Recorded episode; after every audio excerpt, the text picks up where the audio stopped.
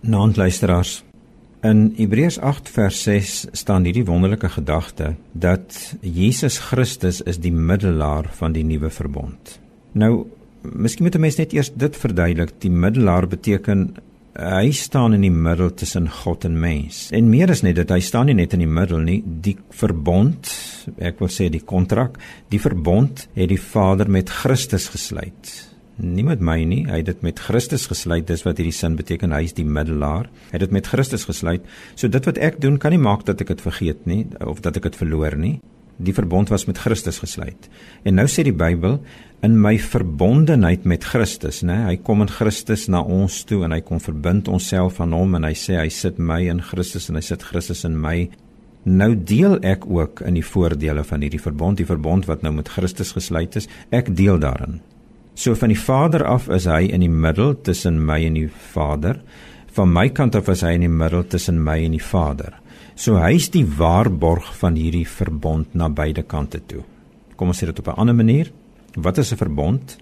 'n Verbond is 'n kontrak tot voordeel van die ander party. So van die Vader se kant af het hy hierdie kontrak met Christus gesluit en ek deel in die voordele daarvan, né?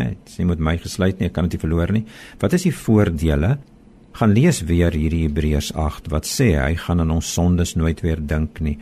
Hy gaan hom bekend maak en soos hy kon aangaan goddelike waarhede wat tot ons voordeel is. En is nie ek wat dit verdien nie, dis nie ek wat dit weer kan verloor nie.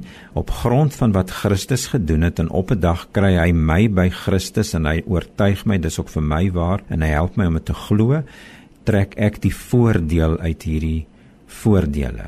Ek kan dit geniet. Dis gewaarborg in Christus. Dis 'n kontrak tot die voordeel van die ander party. As ons dit van my kant af sien, die verbond wat God met Christus gesluit het waarby ek nou ingesluit is kom ons sê dan nou Christus wat nou ook tussen my en die Vader staan Vader wat my nou sien deur die oë van Christus Vader wat nou na my kyk en hy sien Christus se gehoorsaamheid, Christus se vergifnis, Christus se liefde, Christus se afhanklikheid raak. Hy geniet my ten volle. So met alle respek gesê dat dit ook tot voordeel van die Vader was, kan ek weer sê met die grootste respek gesê, dit wat hy in Christus se realiteit in ons lewens kom maak het, is vir hom ook iets om te geniet. Hy kan my mens wees geniet want hy sien nie my vleeslikheid en my treurigheid nie. Hy sien Christus in my raak.